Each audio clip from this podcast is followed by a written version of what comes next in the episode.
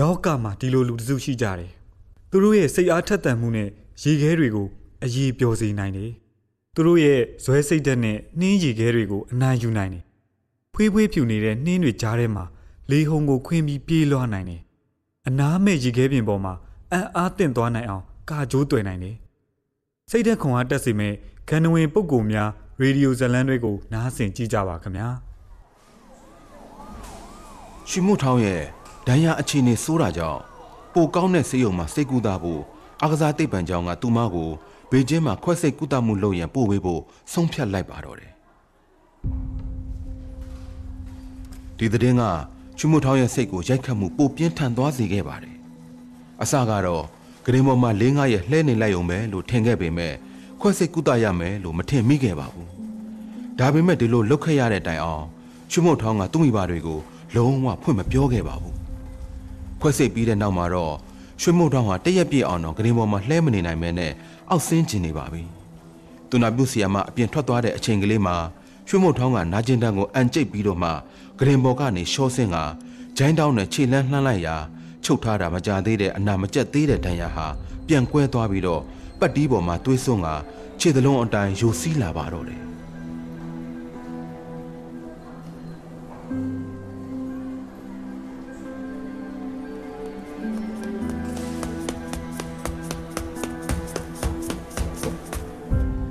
သူနာပြုတ်ဆီယာမှာအပြင်းရောက်လာတော့ရွှေမုတ်ထောင်းကိုပါဇက်ကဆူရင်ဂရင်မော်ကိုတွဲခေါ်သွားက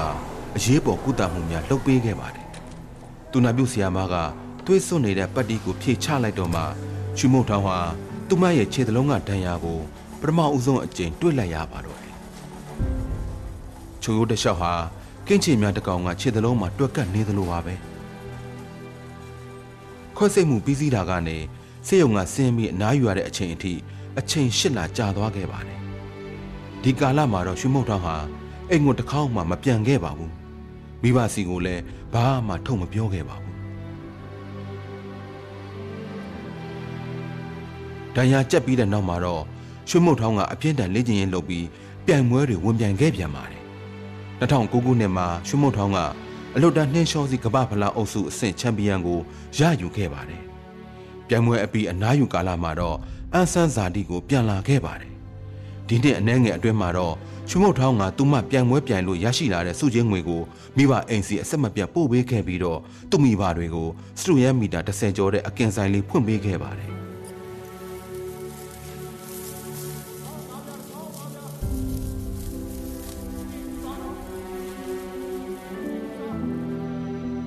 အိမ်ကိုပြန်ရောက်တာနဲ့ရွှေမုတ်ထောင်းကအကင်ဆိုင်မှာအလုတ်ဝိုင်းကူပေးပြန်ပါတယ် အကင်ဆိုင်မှာလာစားတော့ကြတဲ့ဧည့်သည်တွေကလည်းဒီရက်ပိုင်းမှာအမျိုးသမီးဝေတာလေးအစ်စ်တယောက်ရောက်နေတာကိုသတိထားမိခဲ့ကြပါတယ်။ဒီဝေတာမလေးက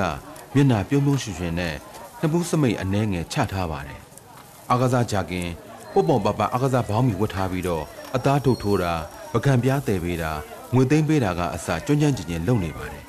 ။ဆိုင်ထဲမှာရှေ့ပြေးလိုက်နောက်ပြေးလိုက်နဲ့အလုံးရှုပ်နေတဲ့ရွှေမှုထောင်းကိုကြည့်ရင်းနဲ့ရွှေရွှဲကျွင်းတို့လင်များဟာကျေနပ်ဝမ်းသာမိကြပါတယ်။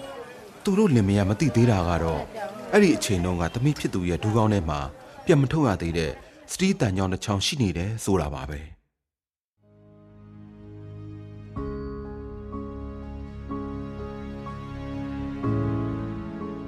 ရှုံးနေမှုနဲ့ဒဏ်ရာနာကျင်မှုတွေအမျိုးမျိုးကြုံတွေ့ခဲ့ရပြီးအသက်20မပြည့်သေးတဲ့ရှုမှုတော်ဟာ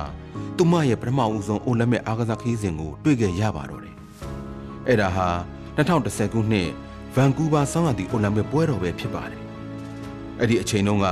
အလုတ်တန်းနှင်းလျှော့စီအလှပြပွဲရဲ့ဘိုးလူပွဲဟာရခင်တုန်းကစီကံဟောင်းဖြစ်တဲ့နှစ်ကြိမ်ခုံရပြီးရလာတဲ့ရမတ်ကိုပေါင်းပြီးတော့မှအနိုင်အရှုံးဆုံးဖြတ်နေကြတော့မှာပဲ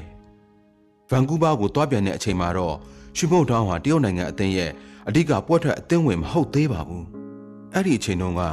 နိုင်ငံခြားကအထူးအာရုံစိုက်ကြတဲ့တရုတ်နိုင်ငံလက်ရွေးစင်ကလွန်ခဲ့သောလနှစ်တိုရီနိုဆောင်းရာသီအိုလံပစ်ပွဲတော်မှာ ငွေစိတ်စုရရှိခဲ့တဲ့လီနီနာနဲ့ပြိုင်ပွဲကြီးအတွေ့အကြုံပိုများတဲ့ကောရှင်းရှင်းပဲဖြစ်ပါတယ်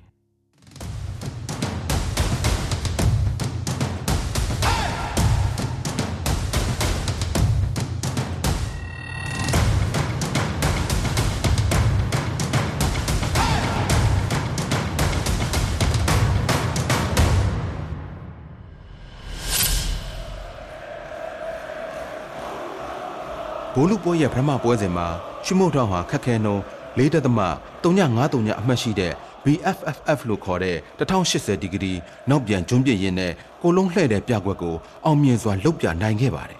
။ဒါအပြင်နှစ်မှတ်အသာနဲ့ဩစတြေးလျလေရွေးစဉ်လင်ဒီယာလာစစ်လာကိုအနိုင်ယူပြီးအဆင့်တစ်နေရာမှာယာယီနေရာယူထားပါတယ်။ဒီအချိန်မှာလူတိုင်းမျှော်လင့်ထားကြတဲ့လီနီနာနဲ့ကောရှင်းရှင်းတို့ကတော့အဆင့်၄နဲ့အဆင့်၅နေရာမှာရှိနေပါတယ်။ ချန်ပီယံဆုအဆုံးဖြတ်ပေးတဲ့ဒုတိယပွဲစဉ်မှာလီနီနာနဲ့ကောရှင်းရှင်းတို့ကဂျွန်းသုံးဘက်ပြစ်တဲ့ပြကွက်ကိုအောင်မြင်စွာလုပ်ပြနိုင်ခဲ့ပေမဲ့စုစုပေါင်းရမှတ်ကလင်ဒီယာလာစစ်လာကိုမကြော်နိုင်သေးပါဘူးပထမပွဲစဉ်မှာပထမဆုံးနေရာကဝင်ပြန်ရတဲ့ရှိမှုထောင်ဟာနောက်ဆုံးပွဲစဉ်မှာတော့နောက်ဆုံးနေရာမှာဝင်ပြိုင်မှုအလှည့်ကျသွားပါတယ်တရုတ်နိုင်ငံအသင်းရဲ့ရွှေတစိမ့်စုစုခူးဖို့တာဝန်ဟာရှိမှုထောင်ရဲ့ပခုံးပေါ်သို့ရောက်လာပါတော့တယ် သူမရဲ့ဒီရှင်ပြိုင်မှုသာအောင်မြင်ခဲ့ရင်တော့တမိုင်းရာဇဝင်တွင်သွားမှာပဲဖြစ်ပါတယ်တကယ်လို့မအောင်မြင်ခဲ့ရင်လည်းစုတစိမ့်တောင်ကန်ရမှာမဟုတ်ပါဘူးပွဲကြည့်စင်မော်ကပြည်သက်တွေရဲ့အကြည့်တွေဟာဒီတရုတ်မင်းကလေးကိုဝိုင်းကြည့်နေကြပါတယ်။အိုလံပစ်အားကစားပွဲတော်ရဲ့နောက်ဆုံးဗိုလ်လူပွဲကိုပထမဆုံးအကြိမ်တက်ရောက်နိုင်ခဲ့တာကြောင့်ရှီမှုထောင်းဟာလည်းဒီအချိန်မှာမယုံနိုင်အောင်ဖြစ်နေပါတယ်။နီးပြဆရာကသူ့မအနားကိုပြေးလာပြီးတော့နှစ်သိမ့်ပေးလိုက်ပါတယ်။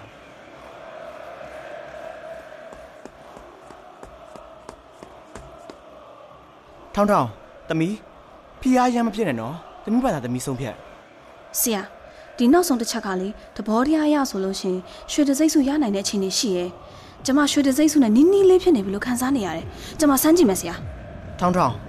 သမီးဆုံးဖြတ်ချက်ကိုဆရာသဘောတူတယ်။ဆရာတို့ဘာမှဆုံးရှုံးစရာလည်းမရှိတော့ဘူး။ရဲရဲကြီးသာစမ်းနိုင်မှအောင်မြင်နိုင်မယ်။မစမ်းကြည့်ရင်ဆရာတို့ဘာမှရှိမှာမဟုတ်ဘူး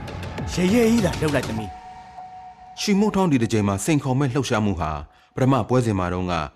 လင်ဒီယာလာစစ်လာလှုပ်ပြသွားနိုင်ခဲ့တဲ့ခက်ခဲနှုံ၄ဒသမတစ်ခွန်ကအမှတ်ရှိတဲ့ပြကွက်ပဲဖြစ်ပါတယ်။ဒါဟာအမျိုးသမီးအားကစားသမားတွေအတွက်အခက်ခဲဆုံးပြကွက်ပဲဖြစ်ပါတယ်။ဒီပြကွက်ထဲမှာပြိုင်ပွဲဝင်ကလေထဲမှာဂျွန်းသုံးဘက်ပြစ်နေချိန်မှာပဲ1080ဒီဂရီကိုကိုလုံးလှည့်ပေးရပါတယ်။ဒီလှုပ်ရှားမှုပြကွက်ကိုရှုမှုထောင်းဟာ ဗန်ကူးဗာဆောင်းရသည့်အိုလံပစ်ပွဲတော်ကျင်းပဖို့တိတ်မလျော်တော့တဲ့အချိန်မှာလေ့ကျင့်ခဲ့တာပဲဖြစ်ပါတယ်။အရင်တုန်းကကမ္ဘာဖလားပြိုင်ပွဲထဲမှာဒီပြောက်ကွက်ကိုရှုမိုထောင်လုပ်ပြနိုင်ခဲ့တဲ့ဆိုပေမဲ့လည်းဒီပြောက်ကွက်ရဲ့အောင်မြင်နိုင်နှုန်းဟာတစ်ချက်တည်းအနိုင်ယူနိုင်ဖို့အတွက်သူမမှယုံကြည်မှုအပြည့်မရှိသေးပါဘူး။ရှုမိုထောင်ဟာစနိုးဘုတ်ကိုထမ်းပြီးတော့ပြင်လန်းချောင်းရဲ့ထိပ်ကိုဆက်လျှောက်သွားနေပါတယ်။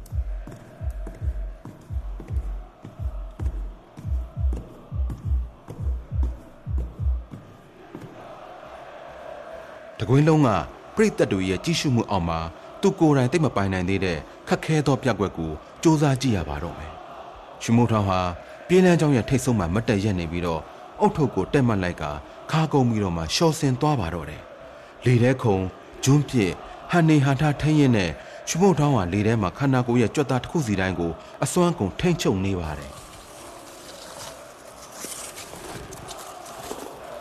ရွှေမုတ်တောင်လေထဲရောက်တဲ့စက္ကန့်အနည်းငယ်အတွင်းမှာအဆင်ပြေတယ်လို့ထင်ရပေမဲ့ပြကွက်လှုပ်ရှားမှုကိုသိမ့်မပိုင်နိုင်သေးတဲ့သူမကတော့နောက်ဆုံးမြေပေါ်ပြန်ကြချိန်မှာတော့ဟန်ချက်ပြက်ပြီးတော့နှင်းကုန်းရှော့ပေါ်မှာချော်လဲကျသွားခဲ့ပါတယ်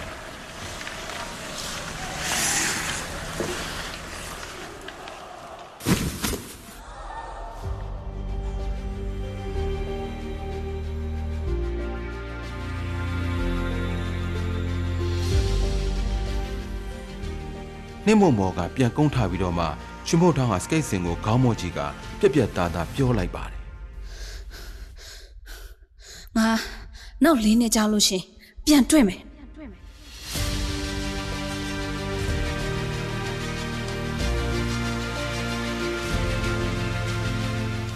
ပါရမီရှိတယ်စူးစားတယ်အပင်ပန်းခံနိုင်တယ်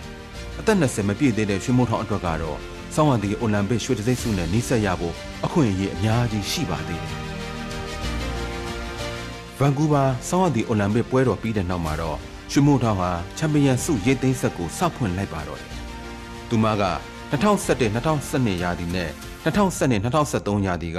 ကမ္ဘာဖလားချန်ပီယံဆုကိုဇက်တိုက်ဆုခူပြီးစုစုပေါင်းရမှတ်ဟာအမှတ်ပေးစရာမှာကမ္ဘာနံပါတ်1နေရာရလာခဲ့ပါတယ်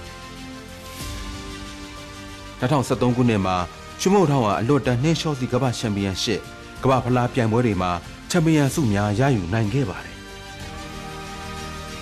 အဲ့ဒီနောက်မှာတော့ဆိုချီဆောင်ရသည့်အိုလံပစ်ပွဲတော်ရဲ့ရွှေတစိမ့်စုဇယားမှာသူမရဲ့တပ်ပုံကိုချိတ်ဆွဲနိုင်မှုကရွှေမှုထောင်းရဲ့အကြီးမားဆုံးစစ်ကူးရည်မှန်းချက်ဖြစ်ခဲ့ပါတယ်2014ခုနှစ်ဖေဖော်ဝါရီလ14ရက်နေ့ညဆိုချီဆောင်ရသည့်အိုလံပစ်ပွဲတော်မှာအလွတ်တန်းနှင်းလျှော့စီအလှပြကွက်ရဲ့ဘိုးလူပွဲကိုကျင်းပနေပါတယ်။အ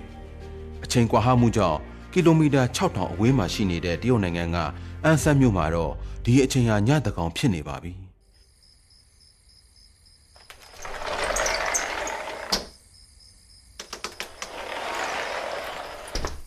အန်ဆန်မြို့ရဲ့လမ်းမတွေပေါ်မှာလူသူကင့်မဲ့နေပြီးတော့ဆိုင်တွေတိုင်းဟာစောစောစီးစီးစိုင်သိမ်းထားကြပါတယ်လောင်ရွှေအကင်လို့ဆိုင်းမုတ်ချိတ်ထားတဲ့အကင်ဆိုင်လေးတစ်ဆိုင်ကတော့ မီးတွေထိန်ထိန်လင်းနေတော့မှာပဲ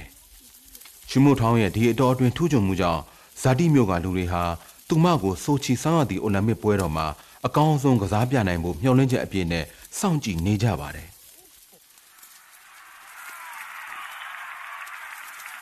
ရွှေမိသားစုရဲ့ဆွေမျိုးမိတ်ဆွေများအပြင်မီဒီယာသတင်းတောက်တွေကလည်းအကင်ဆိုင်လေးထဲမှာအပြည့်ရှိနေပါတယ်ဒီညမှာတော့ ရွှေရွှေကျွင်းကိုယ်တိုင်အကင်ကင်ပြီးတော့ဧည့်သည်တွေကိုဖော်ရည်စွာအခခံနေပါတယ်ဒါပေမဲ့ပြိုင်ပွဲစပြီးနောက်ရွှေမိုးထောင်းအလှည့်ရောက်ခံနေမှာတော့လောင်ရွှေဟာ TV ရှိကနေရှောင်ထွက်သွားပါတော့တယ်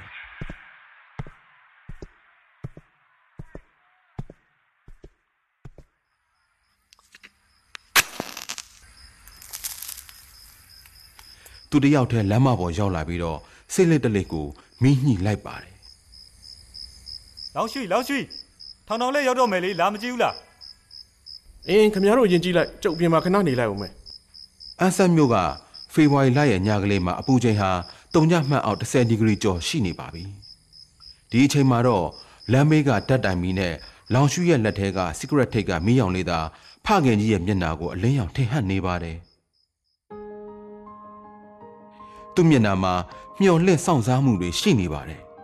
ဒါပေမဲ့စိုးရိမ်မှုနဲ့တန်တမှုတွေက ပိုများနေပါတယ်သမီးလေးရဲ့ဒီအတော်အတွင်းစူးစမ်းခဲ့တဲ့မြကိုလောင်ရှုရအားလုံးမြင်နေခဲ့တာကြောင့်ရင်ထဲမှာစိတ်မကောင်းဖြစ်နေမိပါတယ်။ရှုမုတ်ထောင်းရဲ့ပြိုင်ပွဲဓာတ်ရက်ထုံးလွှင့်မှုကိုလောင်ရွှေခမရမကြည့်ရဲခဲ့တာခဏခဏပါပဲ။များသောအားဖြင့်ပြိုင်ပွဲပြီးဆုံးသွားတော့မှသမီးလေးရဲ့ရလက်ကောင်းမှန်သိရတော့မှ TV ကပြန်ပြတဲ့ဟာတွေကိုပြန်ကြည့်ခဲ့ရတာကြီးပါပဲ။ဂုံယူစရာထက်လောင်ရွှေဟာ သမီးလေးဘေးကင်းဖို့နဲ့ကျမ်းမာဖို့တို့ကိုသာပိုကယူဆိုင်မိပါတယ်။ဆိုချီဆောင်းရသည့်အိုလံပစ်ပွဲတော်ရဲ့ပြိုင်ပွဲစည်းကမ်းဟာဗန်ကူးဗားဆောင်းရသည့်အိုလံပစ်ပွဲတော်နဲ့မတူတဲ့အချက်တွေရှိနေပါတယ်။ပနာမနဲ့ဘိုလူပွဲကိုတရက်တည်းကျင်းပမှာပဲဖြစ်ပါတယ်။ဘိုလူပွဲကိုနှစ်ကြိမ်ခုံလို့ရတဲ့စုစုပေါင်းရမှတ်ကနေပွဲစဉ်၃ခုနဲ့ပွဲပယ်စနစ်အဖြစ်ပြောင်းသုံးသွားခဲ့ပါတယ်။တတိယပွဲစဉ်မှာစုတစိတ်လူဖို့ပြိုင်ပွဲဝင်၄ယောက်ပဲကြံမာတော့တယ် ရှမှုထောင်းရဲ့မျက်စိရှိမှရှိနေတဲ့အခြေအနေဟာလွန်ခဲ့သောလနှစ်တုန်းကအတိုင်းပါပဲနောက်ဆုံးအလှည့်ကျတဲ့သူမဟာပြိုင်ပွဲဝင်လေးဦးရဲ့နောက်ဆုံးအဆင့်တတ်မှတ်မှုကိုအဆုံးအဖြတ်ပေးရမှာဖြစ်ပါတယ်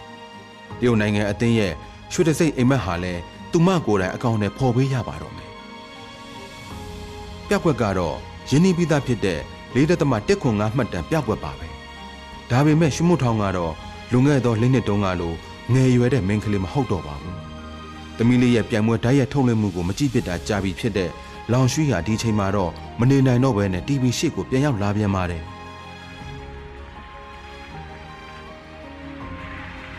အေချင်းစစ်ပွဲကနေဒုတိယကြော့အထိရှမှုတော်ဟာထက်ထက်မြက်မြက်လုတ်ပြသွားနိုင်ခဲ့ပြီးတော့အတော်လေးတည်ငြိမ်ပါတယ်။ဒါပေမဲ့နောက်ဆုံးဘိုးလူပဲအဆုံးဖြတ်မှာတော့သူမဟာလေထဲကျွန်းပြစ်နေချိန်မှာခန္ဓာကိုယ်ဟန်ချက်မထိန်နိုင်ပဲနဲ့ တိတိတတာအမှားယွင်းဖြစ်သွားခဲ့ပါတယ်။နောက်ဆုံးမှာရှုမှုတော်ဟာ83.50ရမှတ်နဲ့ချန်ပီယံဆုလွဲချော်သွားခဲ့ပြီးငွေတစိမ့်ဆုကိုသာရခဲ့ပါတယ်။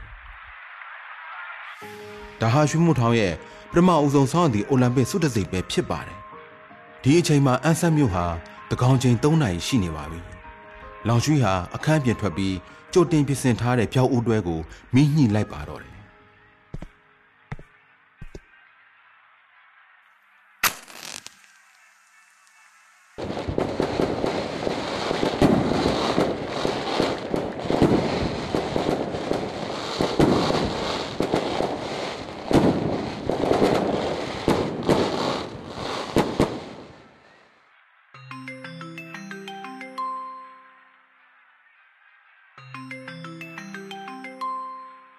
ပြိုင်ပွဲပြီးဆုံးသွားတဲ့နောက်မှာရှုမုတ်တောင်ဟာသူ့မိဘတွေစီကိုဗီဒီယိုကောအရင်ဆုံးခေါ်လိုက်ပါတော့တယ်ဖေဖေမေမေဘောလုံးဝယ်ပြီးသွားပြီတိလားတမီးပြန်တော့တွေ့လိုက်လားအေးတွေ့တယ်ငါသမီးလေးကအတော်ဆုံးပဲဒါတမီးရဲ့ပထမအောင်ဆုံးအွန်လိုင်းပြဆုတစိတ်ပဲဖေဖေတမီးအရန်ပြောတယ်ဒါပေမဲ့อืมနည်းနည်းလေးဝမ်းနေမိရဲ့နောက်လေးနှစ်ကြာလို့ရှင်တမီးရွှေတစိတ်ရအောင်ပြန်လုပ်ပြန်လုပ်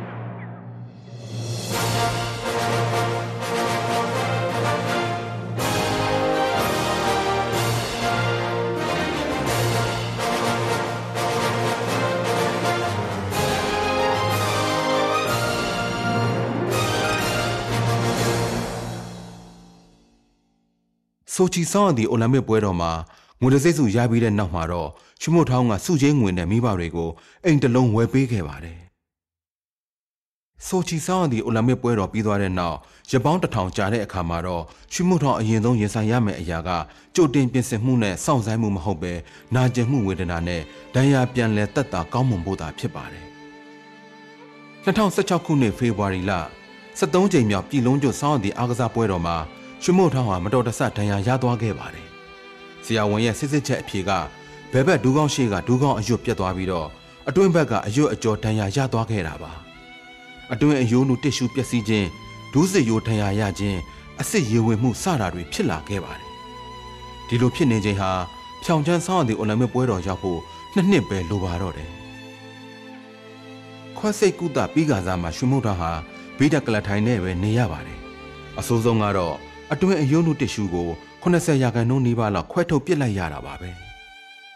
ဒုစစ်ရိုးမှာဂျာကန်တစ်ရှူမရှိတော့တဲ့အပြင်စီးချောင်းထည့်ပြီးတော့အစားထိုးခွက်စစ်ခဲ့ရတာကြောင့်လေ့ကျင့်ရင်လုပ်တဲ့အချိန်မြေပေါ်ပြန်ကျတဲ့အခါတိုင်းအပြင်းအထန်နာကျင်ခဲ့ရပါတယ်ဒါပေမဲ့ရှုမို့တော်ဟာကြံ့ကြံ့ခံပြီးတော့မတ်တက်ရက်ခဲ့ပါတယ်ဒဏ်ရာရပြီးနောက်10လအကြာမှာတော့ရှုမို့ထောင်ဟာကမ္ဘာအဆင့်ပြိုင်ပွဲကြီးမှာပြန်လည်ဝင်ရောက်ရှင်ပြန်လာခဲ့ပါတယ်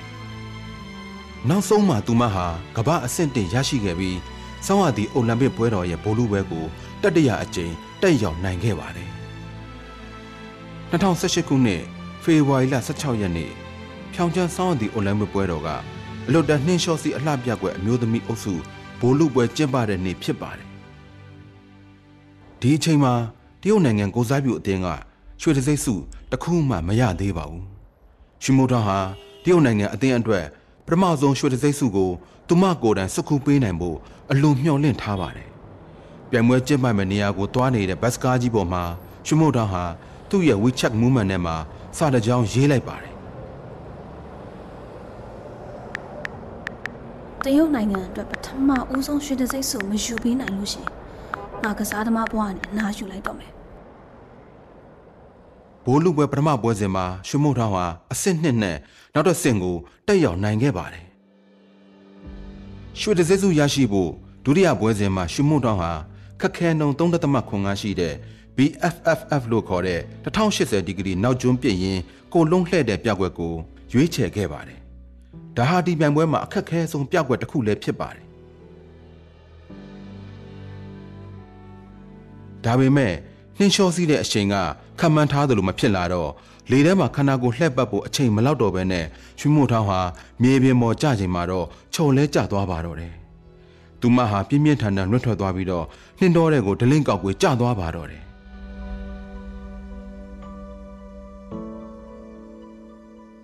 သူမရဲ့ဒီပြောက်ွက်မှာ59တက်သမ25မှတ်သာရရှိခဲ့ပြီးတော့စိတ်မကောင်းစွာနဲ့ပဲပွဲပယ်ခံလိုက်ရပါတော့တယ်။ ဒုတိယပွဲစဉ်ကိုတက်ရောက်နိုင်ခဲ့တဲ့ပြိုင်ပွဲဝင်ကိုရောက်ထဲမှာတော့ရှုမို့ထောင်းဟာဂျွန်းသုံးဘက်ပစ်တဲ့ပြောက်ွက်ကိုရွေးချယ်ခဲ့တဲ့နှစ်ဦးတည်းကတဦးပဲဖြစ်ပါတယ်။ဒါပေမဲ့သူမရဲ့အဆင့်ဟာဇရာအောက်ဆုံးရောက်သွားပြီးတော့မှချွေတစိတ်စုရဖို့အခွင့်အရေးကိုဆုံးရှုံးသွားခဲ့ပါတယ်။တကယ်လို့ရှုမို့ထောင်းဟာဒုတိယပွဲစဉ်မှာပြိုင်ပွဲဝင်အများစုလိုမျိုးဂျွန်းနှစ်ပတ်ပစ်တဲ့ပြက်ကွက်ကိုသာရွေးချယ်ခဲ့ရင်တော့ဘိုလ်လူပွဲရဲ့နောက်ဆုံးပွဲစဉ်ကိုအနည်းငယ်ကင်းကင်းနဲ့တက်ရောက်သွားနိုင်မှာပါ။ဒါဆိုရင်တော့ ချွေတစိတ်စုလူယူနိုင်ဖို့မျှော်လင့်ချက်ရှိပါသေးတယ်။ဂျွန်းနှစ်ပတ်ပစ်တဲ့ပြက်ကွက်ကပိုသေးကြပြီးတော့ဂျွန်းသုံးပတ်ပစ်တဲ့ပြက်ကွက်ကအနည်းငယ်ပုံများမှန်းရွှေမုံထောင်မသိတာမဟုတ်ခဲ့ပါဘူး။သူမကအရင်လိုပဲတရုတ်နိုင်ငံအသင်းကမရယူနိုင်သေးတဲ့ရွှေတစိတ်စုကိုရယူနိုင်အောင်စ조사ကျင်ခဲ့ရုံပါပဲ။ဒီလိုရှုံးနေပြီးစိတ်သက်ကြနေတဲ့မင်းကလေးဘက်ကိုကင်မရာလှည့်လိုက်ချိန်မှာတော့ပြိုင်ပွဲမစခင်တုန်းကဖြောင်ချမ်းဆောင်းရသည့်အိုလံပစ်မှာမျက်ရည်မကျစေရဘူးလို့ ယုံကြည်ချက်အပြည့်ရှိတဲ့မိန်းကလေးဟာမျက်ရည်တွေဆူရွှဲနေပါပြီနေလို့နဲ့ရန်ကိုနေလို့နဲ့အချိန်ရန်နေရောရကွာငါချင်းချင်းစိတ်ကူးခဲ့ရလေးနှစ်လုံးလုံးစူးစမ်းခဲ့တယ်မြဒီအဖြေပဲရမယ်လို့ထင်တာမထင်တာမိဘူး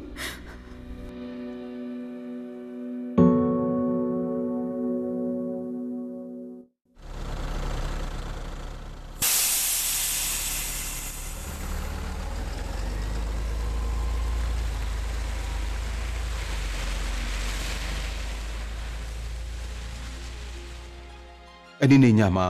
အိုလံပစ်ကျွေးရာကိုပြန်တဲ့နောက်ဆုံးဘတ်စ်ကားတော့မောင်းထွက်သွားခဲ့ပါပြီဒါပေမဲ့ရှမုံတော်ဟာကွင်းထဲကနေမပြန်မဲဆက်နေခဲ့ပါတယ်ဟိုတယ်ကိုပြန်ရောက်တော့ရှမုံတော်ဟာတည်င်းနဲ့ဝေဖန်ချက်တွေကိုကြည့်ရင်စိတ်ထဲကမခံစားနိုင်အောင်မျက်ရည်တွေယိုစီးလာပါတော့တယ်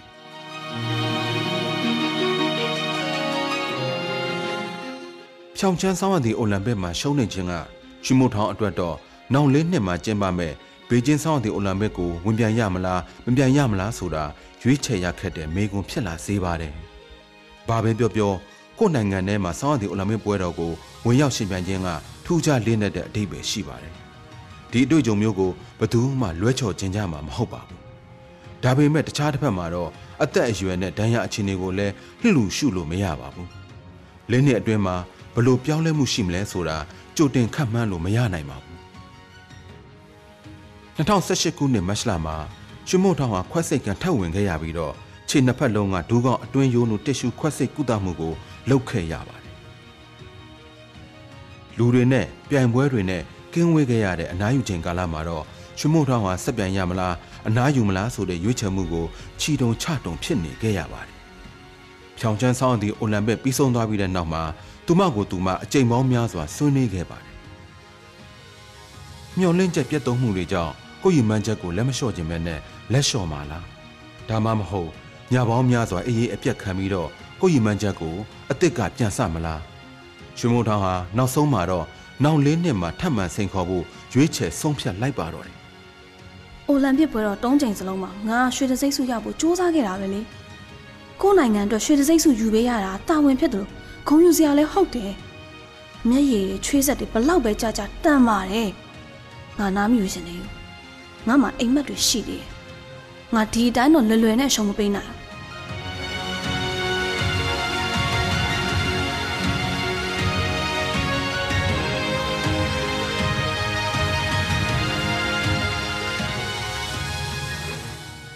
ရွှေမိုးထောင်ဟာနောက်ထပ်ခွက်စိတ်ကုသမှုလုပ်လိုက်ကျမ်းမာအောင်အနားယူလိုက်ပြန်လေးကျင်လိုက်ကြိုတင်ပြင်ဆင်မှုတွေလုပ်လိုက်နဲ့တန်တရာလဲလာပြန်ပါတယ်။ဆောင်းရသည့်အိုလံပစ်ကို လေးချိန်စက်တန်ဝင်ရောက်ရှင်ပြိုင်နိုင်ခဲ့တာဟာရွှေမိုးထောင်ကံကောင်းခဲ့လို့မဟုတ်ပါဘူး။ဒါတွေအလုံးကသူမကိုယ်တိုင်စူးစမ်းလို့ရရှိခဲ့တာပါ။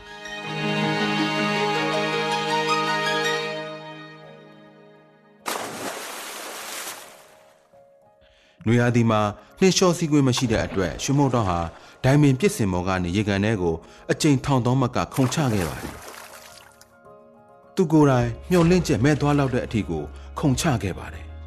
ဒါပေမဲ့လည်းဒီလိုမျိုးဖြစ်နေချိန်မှာတော့မှရွှေမုတ်တော်ဟာလုံးဝခြေလှမ်းမရက်ခဲ့ပါဘူး။လှုပ်ရှားနည်းတွေလေ့ကျင့်ရတဲ့အပြင်ရွှေမုတ်တော်ဟာကိုယ်ခန္ဓာလေ့ကျင့်မှုအပိုင်းမှာလည်းအထူးအလေးထားခဲ့ပါတယ်။ဒိုင်မင်ထိုးလေ့ကျင့်ပြီးသွားတိုင်းပြည့်စရာကောင်းတဲ့အပြည့်လေ့ကျင့်မှုကိုဆက်လုပ်နေခဲ့ပါတယ်။ဘေကျင်းဆောင်ရသည့်အိုလံပစ်ပွဲတော်မစတင်ခင်ပြည်တစ်နှစ်ရဲ့ပြိုင်ပွဲရာသီမှာရွှေမုံတော်ဟာသူမရဲ့ကမ္ဘာချန်ပီယံစုဖလားအရေးအတွက်ကို28ခုအထိမြင့်တင်နိုင်ခဲ့ပါတယ်။ ကမ္ဘာဖလားချန်ပီယံရှစ်ပြိုင်ပွဲတွေကမ္ဘာချန်ပီယံပြိုင်ပွဲအသီးသီးရဲ့ရွှေတံဆိပ်စုတွေကိုအားလုံးနေပါရယူခဲ့ပေမဲ့အိုလံပစ်ရွှေတံဆိပ်စုတစ်ခုသာလိုနေခဲ့ပါတယ်။2022ခုနှစ်ဖေဖော်ဝါရီလ14ရက်နေ့မှာရွှေမုတ်ထာဟာနောက်ဆုံးတော့ဆန္ဒပြည့်ဝခဲ့ရပါတယ်။သူမရဲ့ဘဝမှာပထမဆုံးအိုလံပစ်ပွဲတော်ရဲ့ရွှေတံဆိပ်ဆုကိုရရှိခဲ့ပါတယ်။အိုလံပစ်ပွဲတော်ကို16နှစ်ကြာဝင်ပြိုင်ခဲ့ပြီးတော့ချန်ပီယံနေရာနဲ့3ချိန်တိုင်တိုင်လွဲချော်ခံရပြီးနောက်မှာတော့ တကူလုံးဒဏ်ရာရထားတဲ့ရွှေမုတ်ထာဟာနောက်ဆုံးမှာတော့သူမငယ်ငယ်တည်းကမျောလင့်ခဲ့ရတဲ့စသိန်းကောင်းလေးကိုရလိုက်ပါတော့တယ်။ရွှေမိုးထောင်ရရှိခဲ့တဲ့ဘေကျင်းဆောင်းရသည့်အိုလံပစ်ပွဲတော်ကအလွတ်တန်းနှင်းလျှောစီအမျိုးသမီးအုပ်စုအလှပြက်ကွယ်ရွှေတံဆိပ်စုဟာတရုတ်နိုင်ငံကိုစားပြုအသင်းရဲ့ယခုအကြိမ်ဆောင်းရာသီအိုလံပစ်ပွဲတော်မှာရရှိခဲ့တဲ့၅ခုမြောက်ရွှေတံဆိပ်ဆုပဲဖြစ်ပါတယ်။လေးချိန်ဇက်တိုက်ဆောင်းရာသီအိုလံပစ်ခရီးစဉ်ဟာ ရှုမွတ်ထောင်းရဲ့အိမ်မက်ဖော်ဆောင်ရလမ်းခီးဖြစ်ပြီးတော့ခက်ခဲကြမ်းတမ်းခဲ့တယ်လို့အချိန်ရှည်ကြာမြင့်ခဲ့ပါတယ် 世界之大，总想要去飞。 ဒါကရှုမွတ်ထောင်းရဲ့အကြိုက်ဆုံးသချင်းလေးပါဒီသချင်းလေးကရှုမွတ်ထောင်းရဲ့အိမ်မက်ဖော်ဆောင်ရခီးလန်းကိုရေးဆွဲဖော်ပြနေတယ်လို့ပဲအာသာသမားအများအပြားရဲ့ဘဝမှန်တွေကိုလည်းထင်ဟပ်ပြသနေပါတယ် 我